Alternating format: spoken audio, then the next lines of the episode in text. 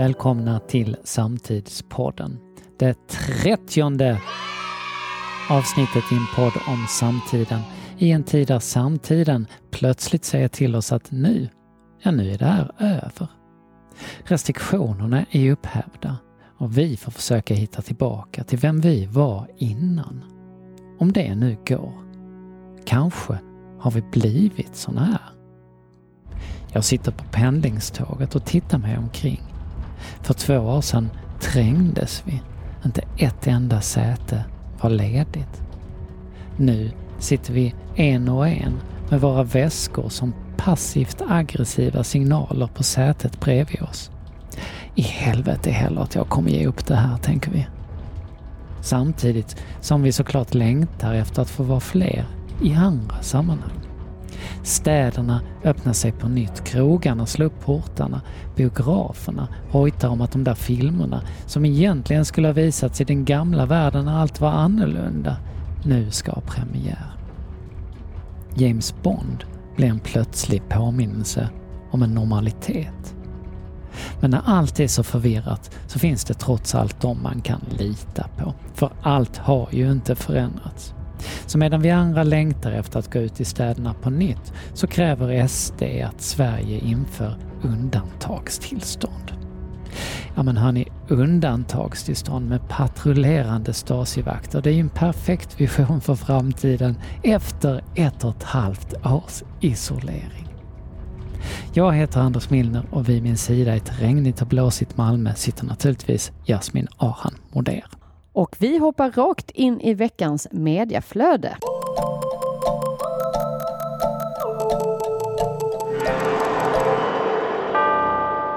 Som naturligtvis måste börja med att restriktionerna nu är hävda. Vad är det första du ska göra nu när livet plötsligt blir normalt igen? Vi ställde den frågan till folk här på Studio Meeting Point i Malmö och så här svarade de. Ja, men jag ska träffa mina nära vänner och familj och umgås med dem lite mer intensivt. Konsert ska jag gå på. Resa. Eh, stor middag med tjejkompisar. Eh, jag ska se till att träffa så många kollegor som möjligt samtidigt. Det ska jag göra. Ta en resa någonstans. jag får gå på ett fullsatt Malmö Stadion på söndag när vi tar emot, tar emot Mjällby, så det blir riktigt gött. Jag ska gå ut och festa faktiskt. Det är det det blir. Träffa mer människor. En riktigt härlig drinkkväll. Andra nyheter. Den danska konstnären Jens Haning tog en halv miljon danska kronor i cash från Kunstens museum i Ålborg för att använda dem i ett konstverk som skulle visa på löneskillnaderna mellan Danmark och Österrike. Men när konstverket anlände fanns det inga pengar kvar, bara två tomma ramar. Verket heter Take the money and run och själva stölden är alltså konstverket. Ungefär som när Dan Wolgers på 90-talet tog två bänkar från Liljevalchs, sålde dem på auktion och ställde ut tomrummet efter stölden. I samband med tyska valet så hade Berlin nyligen en omröstning, en folkomröstning, som precis som de svenska inte är bindande. Omröstningen handlar om fastighetsmarknaden och Berlinborna röstade för att den tyska staten ska ta tillbaka lägenheter som ägs av privata företag.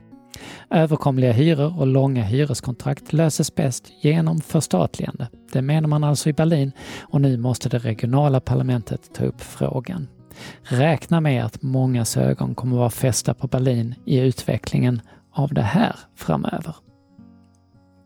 I Storbritannien så hotas djurlivet av populärkulturen.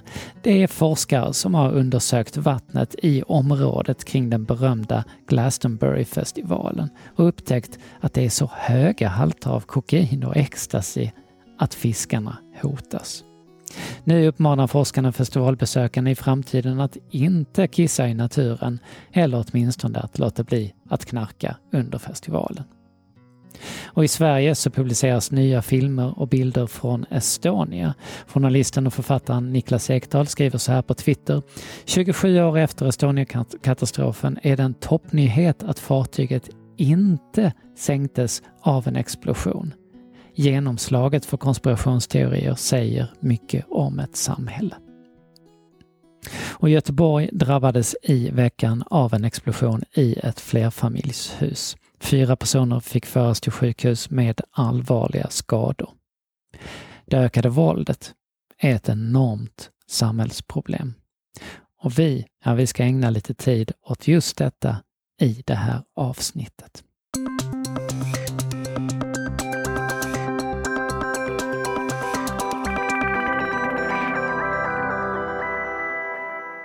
Och nu ska vi prata lite grann om skjutningar för vi har en gäst som kommer alldeles strax in här i podden. Men först lite siffror från Malmö där vi ju sänder ifrån.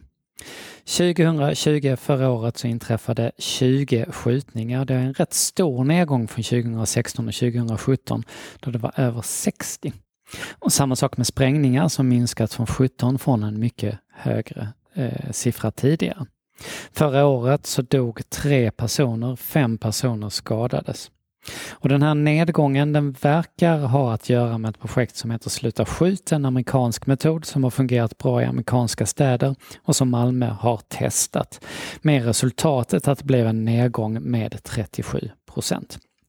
Samtidigt ska man komma ihåg att det fortfarande är väldigt höga siffror och oavsett vilket, om de går ner lite eller upp lite, så påverkas hela staden och dess invånare. Kikar man då på siffrorna här, 19 procent av invånarna har avstått från aktiviteter på grund av rädsla för olika typer av brott. Och känslan av otrygghet, ja den är hög. 73 procent går omkring med en oro att utsättas för någon typ av brott. Samtidigt som då i verkligheten 70 procent aldrig ursätts, eller i alla fall inte under 2020 som man tittat på, utsätts för någon typ av brott. Så här finns ju en hel del att hantera och det är klart att den upplevda otryggheten påverkar ju också människors liv oavsett om de är med om någonting sen eller inte. Bara den här känslan av att man lever ett otryggt liv. Och, och här påverkar ju såklart även medieflödena trygghetskänslan. Och polisen säger ofta att de upplever att de inte når fram med statistik om förbättringar när det går ner, om tryggheten blir bättre. För att folk litar helt enkelt inte på siffrorna. Tror inte att det är sant. Jasmin, du bor i Malmö, du är ifrån Malmö. Hur tycker du att tryggheten i staden har förändrats genom åren utifrån ditt liv, ditt perspektiv? Eh, jag är ju då som du sa uppväxt här, 80-talet eh, Malmö va.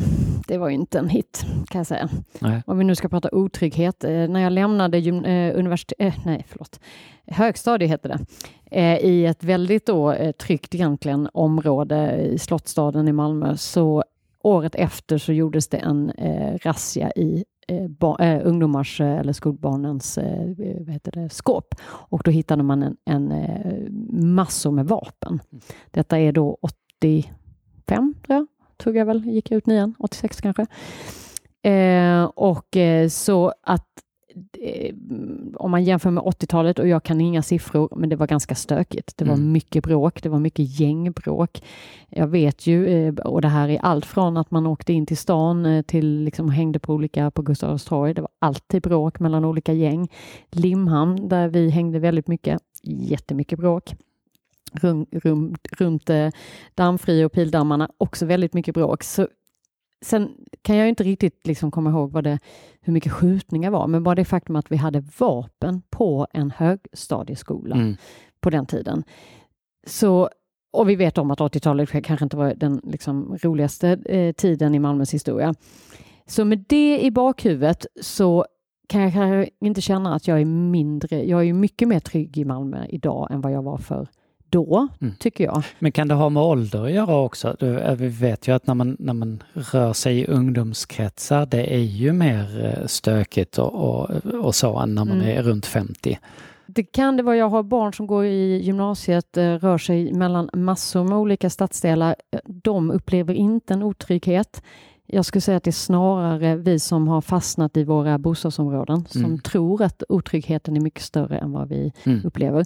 Vi hade också ett samtal bara för några år sedan med eh, ett stort bolag i Malmö som har väldigt mycket utländsk eh, arbetskraft som kommer från hela världen. De upplever ju Malmö som det mest trygga av trygga städer och kanske vana vid stora liksom, internationella städer.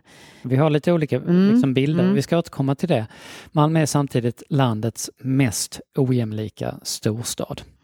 Och vi som verkar här vet ju att det görs väldigt mycket för att försöka förändra eh, detta. Och att det mitt i den här problematiken då som i medieflödena ofta, eh, och allt mer ofta får man också säga, sägs handla om, om invandringen, att det är den som är skulden till.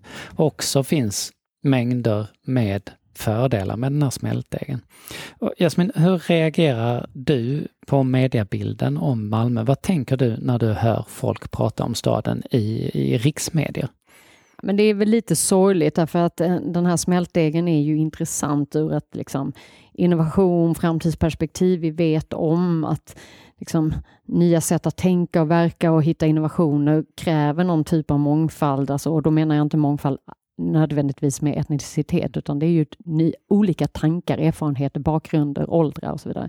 Och här finns ju någonting i Malmö som är otroligt häftigt. Vi som är Malmöbor älskar ju Tunna blå linjen, vilket många utanför tycker är, oh, men gud, det är ju en sån hemsk stad.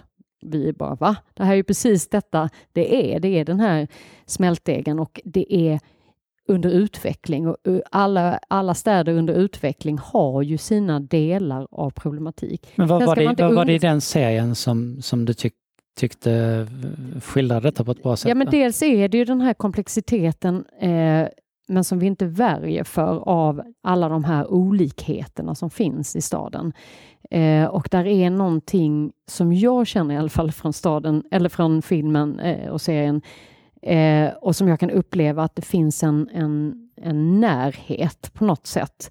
Eh, och någonting tillåtande. Sen ska jag inte underskatta de problemen som finns och den, eh, all den utanförskap som finns. Och Nicolas Lunabar har vi nog nämnt tidigare som hade ett fantastiskt sommarprat pekar just på det att vi har ju en alldeles för stor del av Malmöborna, framförallt unga, som hamnar utanför. Och det handlar ju om att de är, det är fattigdom, eh, ett, ett, inte tillgång till liksom att komma åt arbets, eh, arbeten överhuvudtaget. Och sen kan det ju förstärkas av att man har kommit som nyanlända för att man har inte nätverken. Men det är inte, grunden är inte invandringen. Grunden är ju att vi inte tar, liksom, skapar förutsättningar för alla olika typer av människor komma in på arbetsmarknaden. Det är ett jätteproblem. Vi har unga människor idag som inte eh, och barn som inte får ordentligt med mat på mm. ett eller två dygn. Och ska man bara få en bild av ojämlikheten i, i den här staden så är det så att 48 procent av de som bor i, i, de, i låginkomstområdena skulle behöva flytta och göra en resa till, till rikare områden för att staden skulle bli jämlik. Alltså hälften av de som, som, som bor i, i områden med lägre inkomster skulle behöva flytta. Ja. Och det är såklart en gigantisk samhällsutmaning. Mm. Det är ju ingenting man gör på ett halvår, Nej. detta eh, direkt. Va? Men det, det, ska ju också sägas att detta är ju en, en otroligt viktig del att ha med sig när man pratar om Malmös möjligheter, Malmös tillväxtmöjligheter. Fångar vi inte upp detta mm. så får vi ingen tillväxt. Vi får inget eh, bra samhälle. Därför att där är också grunden till våra framtida samarbetspartner, till våra eh, kollegor, till våra kunder.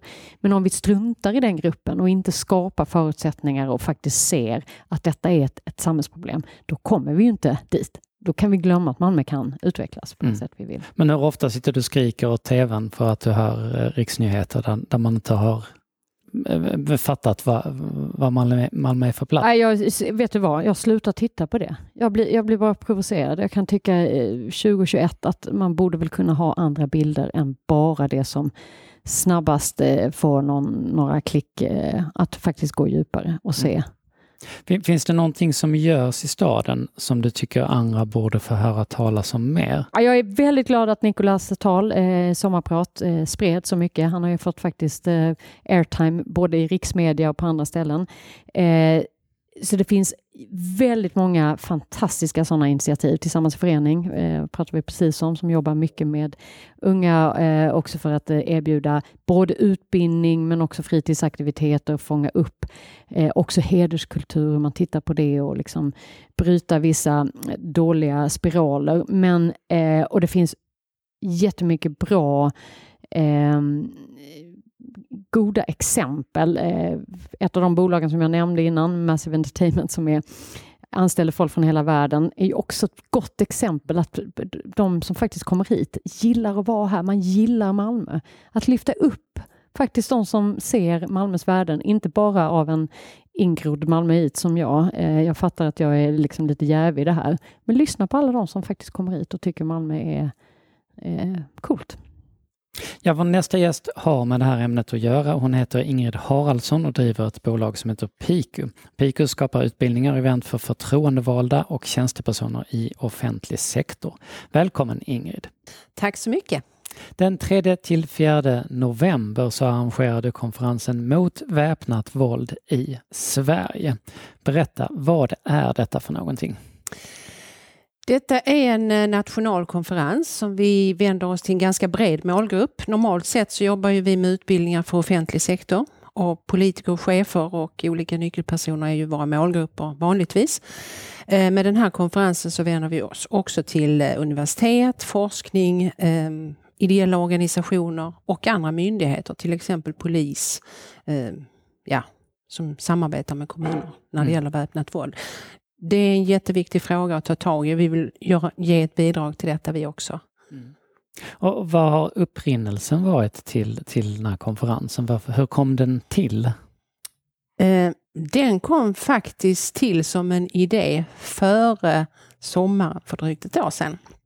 Och då är vi på sommaren 20, 2020. Mm.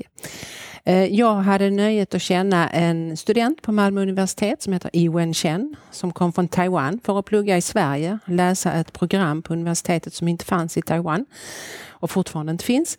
Ehm, och henne har jag lärt känna och hon tog examen förra sommaren och då har vi hållit kontakten och så sa hon det finns så mycket våld i Sverige och eh, väpnat våld i synnerhet. Hon hade då läst Peace and Conflict i tre år och eh, tagit en filkand på det. Eh, och hon sökte jobb såklart, ville stanna i Sverige, ville stanna i västvärlden. Och jag är aldrig sen att nappa på idéer och jag såg liksom, kan jag ha nytta av den här unga tjejen i Piku på något sätt? Med den kompetensen som hon har som inte vi har. Eh, och då föddes ju tanken på att göra en konferens om väpnat våld i Sverige. Eh, så jag anställde henne på Piku och från augusti 2020 fram till nu, ett drygt år senare, så har hon jobbat med detta. Från research, vad händer i världen, vad finns det för forskning, vad finns det för expertis?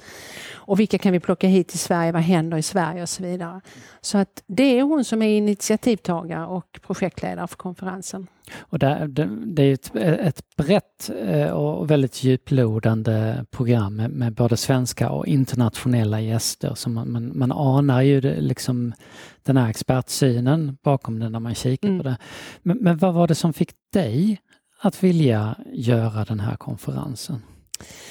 Alltså dels är det rent personligt att jag själv har ett starkt samhällsansvar och har i många år tänkt hur kan jag bidra, även genom PIK, mitt företag, till ett ökat samhällsansvar från företagets sida också då.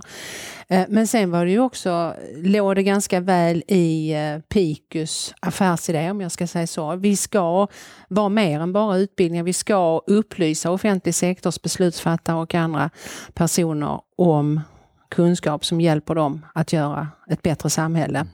Precis som ni på Altitude Meetings, fast på ett annat vis. Så att eh, jag såg väl att här var en utmärkt eh, möjlighet för mig personligen men också Piku som företag att bidra till offentlig sektor i hela Sverige med en konferens som bringar senaste forskning, internationell expertis, lösningar. Hur ser det ut runt om i världen med väpnat våld? Vad kan vi i Sverige lära av det? Eh, hur jobbar man? Vilka strategier har man valt i andra länder? För att ta hem till de svenska beslutsfattarna. Detta är ju ett jätteproblem i mm. Sverige idag. Och ni är ju ganska nära det offentliga med all verksamheten i PIK och utbildningar och så mm. vidare. Den här kunskapen som, som ni nu tar till konferensen, det här är då kunskap som, som du menar saknas idag i det offentliga? Ja, men det tycker jag så tillvida att konferensen erbjuder ju ett forum för de här målgrupperna som jag nämnde. Eh, som är unik skulle jag vilja säga. Det är som en av våra kändare forskare som är med i programmet, Ardavan Koshnod, säger, så mycket samlad kompetens på samma ställe samtidigt. Det är det unika egentligen.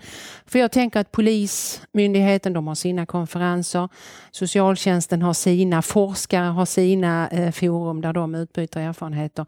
Men det här, vad ska man säga, tvärvetenskapliga då, när vi sammanför forskning, expertis, eh, goda exempel och metoder från olika håll av världen på ett och samma ställe och serverar de deltagare som är med på konferensen. Det är det unika. Mm. Och vi vill ju att kommuners politiker och chefer ska ta det med sig hem. Åtminstone något enda från konferensen att det här ska vi pröva i vår kommun. Mm. Det här tror vi på. Mm. Vi är båda i eh, mötesbranschen och, och eh, gissar jag kämpar lite grann med samma sak, nämligen att, att eh, vi har en vilja och ambition att ordna de här fantastiska mötena som ger fördjupad kunskap, nya insikter. Samtidigt så, så vill vi ju inte att det bara ska bli prat. För att då, då är det bara då är det bara underhållning. Vi vill ju mm. ha resultat mm. på något sätt, att det blir någon action som sker efter. Eh, vilket sätt hoppas du att den här konferensen gör, gör skillnad? Ja, men genom att eh, vara konkret, genom att då liksom ha mixen av forskning, eh, historik också för den delen. Hur har det sett ut i Sverige under kanske det senaste decenniet eller det senaste århundradet mm. med utvecklingen på det här området. Och eh, många praktiska exempel. Eh, andra länders eh, strategier, hur de har gjort, då tänker jag att man ska som politiker ta med sig hem och göra någonting av det på hemmaplan. Sen kommer det ju så mycket annat också från regeringen nu. Det är, eh, I oktober till exempel så eh, kommer vi att presentera en utredare som har utrett kommunernas ansvar för brottsförebyggande arbete, vilket förmodligen kommer resultera i en eh, tvingande lagstiftning för kommunerna.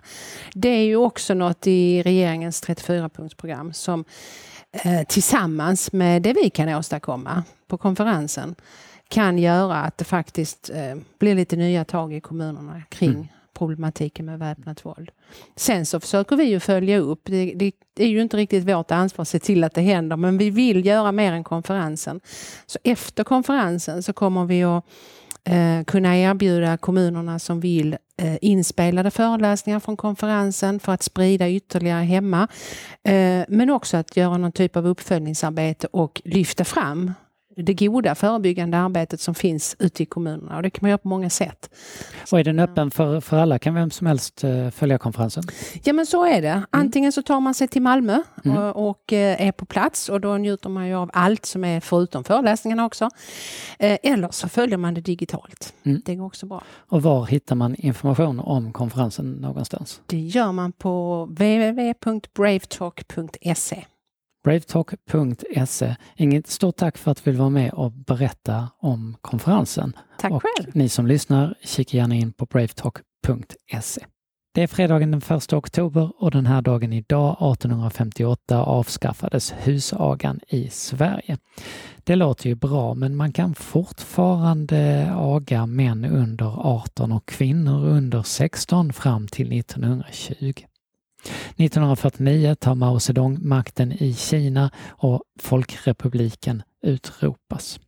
1955 avskaffar Sverige motbokssystemet och 1970 begravs Jimi Hendrix i Seattle.